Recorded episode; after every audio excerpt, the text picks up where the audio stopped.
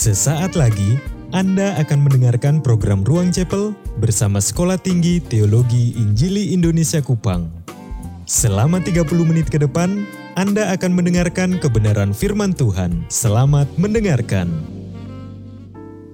Saya mau membagikan satu kebenaran firman Tuhan secara singkat di dalam Mazmur 126 ayat 5 dan ayat yang ke-6.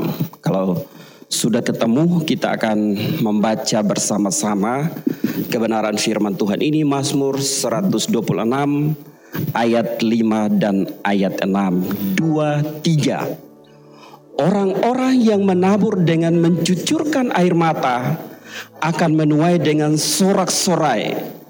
Orang yang berjalan maju dengan menangis sambil menabur benih pasti pulang dengan sorak-sorai sambil membawa berkas-berkasnya.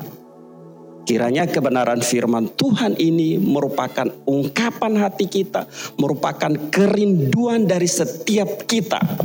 Kalau melihat perikopnya di dalam ayat tersebut adalah pengharapan di tengah-tengah penderitaan.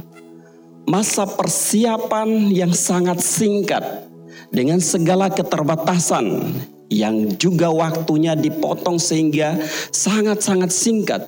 Mungkinkah kita bisa melangkah segenap hati? Kita bisa melakukan segala sesuatu yang sudah di planning atau sudah direncanakan secara maksimal pada kesempatan ini firman Tuhan bagi kita seberkata bahwa ini pengharapan di tengah-tengah penderitaan.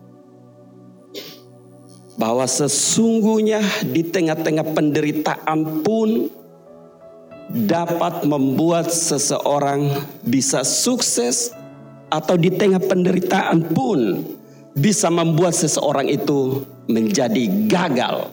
Tetapi ayat yang ke-6, 5 dan ke-6 dan khususnya ayat yang ke-6. Orang yang berjalan maju dengan menangis sambil menabur benih.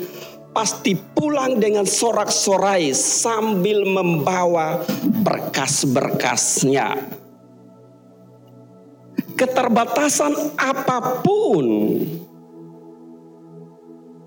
Saya yakin dan saya mengharapkan supaya pulang itu membawa berkas-berkas untuk kemuliaan nama Tuhan. Halo, sepakat? Apa yang membuat mereka berhasil dalam konteks Mazmur ini? Ternyata hal yang pertama itu karena mempunyai pengharapan kepada sang pemilik tuayan itu mempunyai pengharapan kepada Tuhan yang bisa berkarya di tengah-tengah penderitaan itu. Di dalam ayat yang satu dikatakan ketika Tuhan memulihkan keadaan Sion yang di dalam dikatakan di tengah-tengah penderitaan. Keadaan kita seperti orang-orang yang bermimpi. Pada waktu itu mulut kita penuh tertawa, lidah kita dengan sorak-sorai. Pada waktu itu berkatalah orang di antara bangsa-bangsa. Orang akan menceritakan kepada bangsa-bangsa bagaimana kita menjadi berkat. Bagaimana kita bisa menceritakan keajaiban Tuhan itu. Bahwa Tuhan telah melakukan perkara besar kepada orang-orang ini. punya pengharapan bahwa Tuhan pulihkan, punya pengharapan karena Tuhan turut bekerja. Sehingga orang lain bisa menceritakan bahwa betapa dahsyatnya orang-orang ini karena Tuhan turut bekerja di situ. Mereka berhasil bisa membawa berkas-berkasnya karena punya pengharapan kepada Tuhan yang turut bekerja untuk mendatangkan kebaikan tersebut kita bisa gagal kalau kita tidak ada koneksi dengan Allah yang memberikan kekuatan yang turut bekerja untuk mendatangkan kebaikan itu. Bapak Ibu mungkin bergumul berkaitan dengan keuangan, dengan dana. Seperti seolah-olah terhimpit. Tetapi dapatkah kita menggantungkan hidup kita di tangan atau di lengan Allah yang kuat dan mengizinkan Allah untuk bekerja di dalam hidup ini? Dapatkah tim bentukan masing-masing ke segala pulau dan akan dilihat orang seperti ayat yang tadi pada waktu itu berkatalah orang di antara bangsa-bangsa. Oh ternyata tim ini Allah turut bekerja di dalam kehidupan mereka. Dapatkah kita menjadi saksi persiapan-persiapan ini menjadi suatu cerita yang bisa menguatkan orang lain atau tidak? Karena Bapak Ibu akan dipersiapkan atau diperhadapkan dengan orang dengan berbagai pergumulan masing-masing. Baik itu di gereja atau di tempat Anda tujui. Makanya minggu lalu saya katakan spiritual kita harus dikuatkan. Persiapan spirit. Spiritual kita. Marilah terus menaruhkan pengharapanmu kepada Tuhan Oh Tuhan telah melakukan perkara yang besar. Sehingga pulang itu dengan nama Tuhan yang dimuliakan. Membawa berkas-berkas dengan sukacita. Karena harapanmu digantungkan kepada Tuhan. Itu akan Tuhan kerjakan bagiannya. Tapi hal yang kedua di ayat yang keempat dikatakan gini. Pulihkanlah keadaan kami ya Tuhan. Seperti memulihkan batang air kering di tanah Negeb. Bagian ini saya cerna, saya lihat dalam ayat ini adalah terus menerus permohonan kepada Tuhan itu bahwa Tuhan yang memulihkan, Tuhan yang turut bekerja itu memulihkan keadaan di mana mereka berada dan akhirnya berkas-berkas dibawa pulang dengan suatu sukacita. Artinya begini Bapak Ibu. Dalam pelayanan ini kita harus melihat bahwa ini adalah suatu pelayanan rohani. Dan dalam pelayanan-pelayanan rohani yang jelasnya minggu-minggu lalu saya sampaikan bagaimana menjaga kesatuan antara tim satu dengan yang lain. Karena beraneka ragam suku dan latar belakang uh, tim tersebut satu dua hari akan muncul keaslian daripada tim itu, muncul karakter dari tim itu, sehingga itu bisa menjadi masalah bagi tim itu dan bisa menjadi permasalahan bagi tempat di mana Anda akan melayani.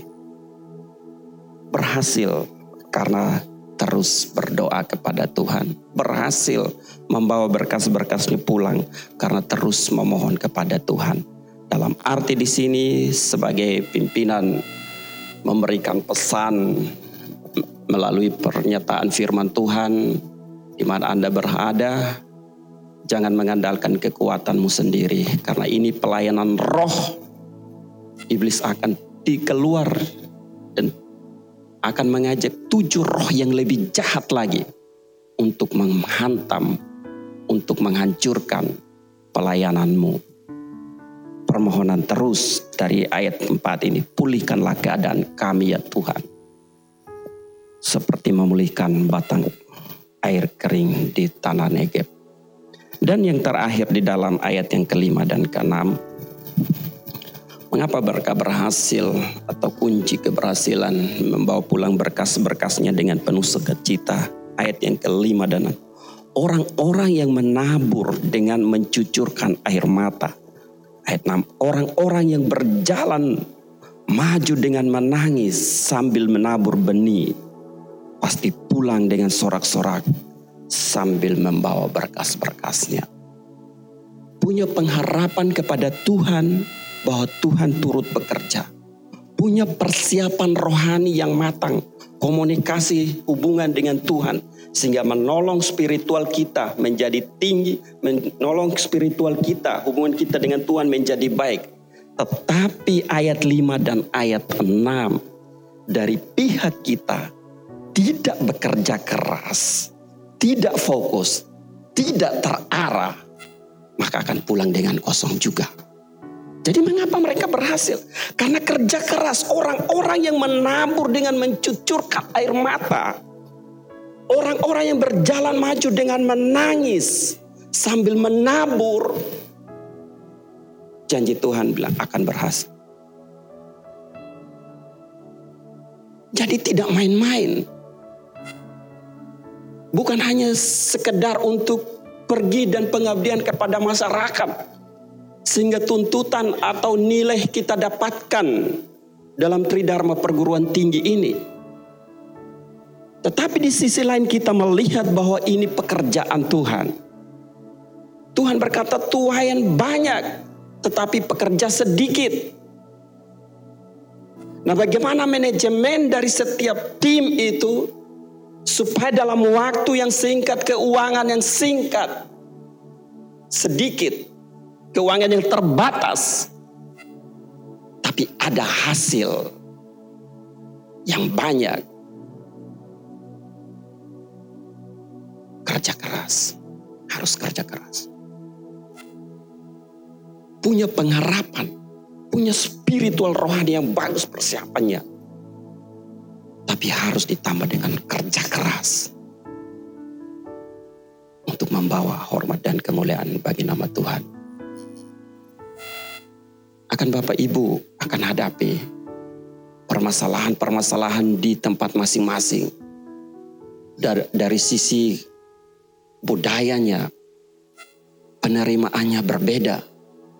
Dan kalau mempertahankan diri untuk mempertahankan egonya, maka akan berantakan.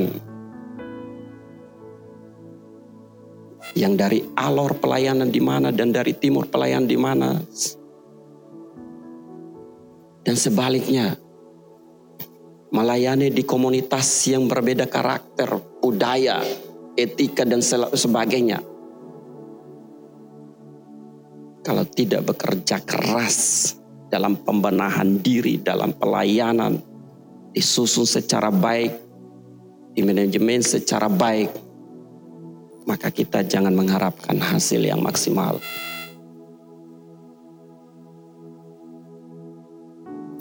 Berharaplah pada Tuhan yang mempunyai pekerjaan. Hubungan spiritualmu dengan Tuhan perlu dijaga.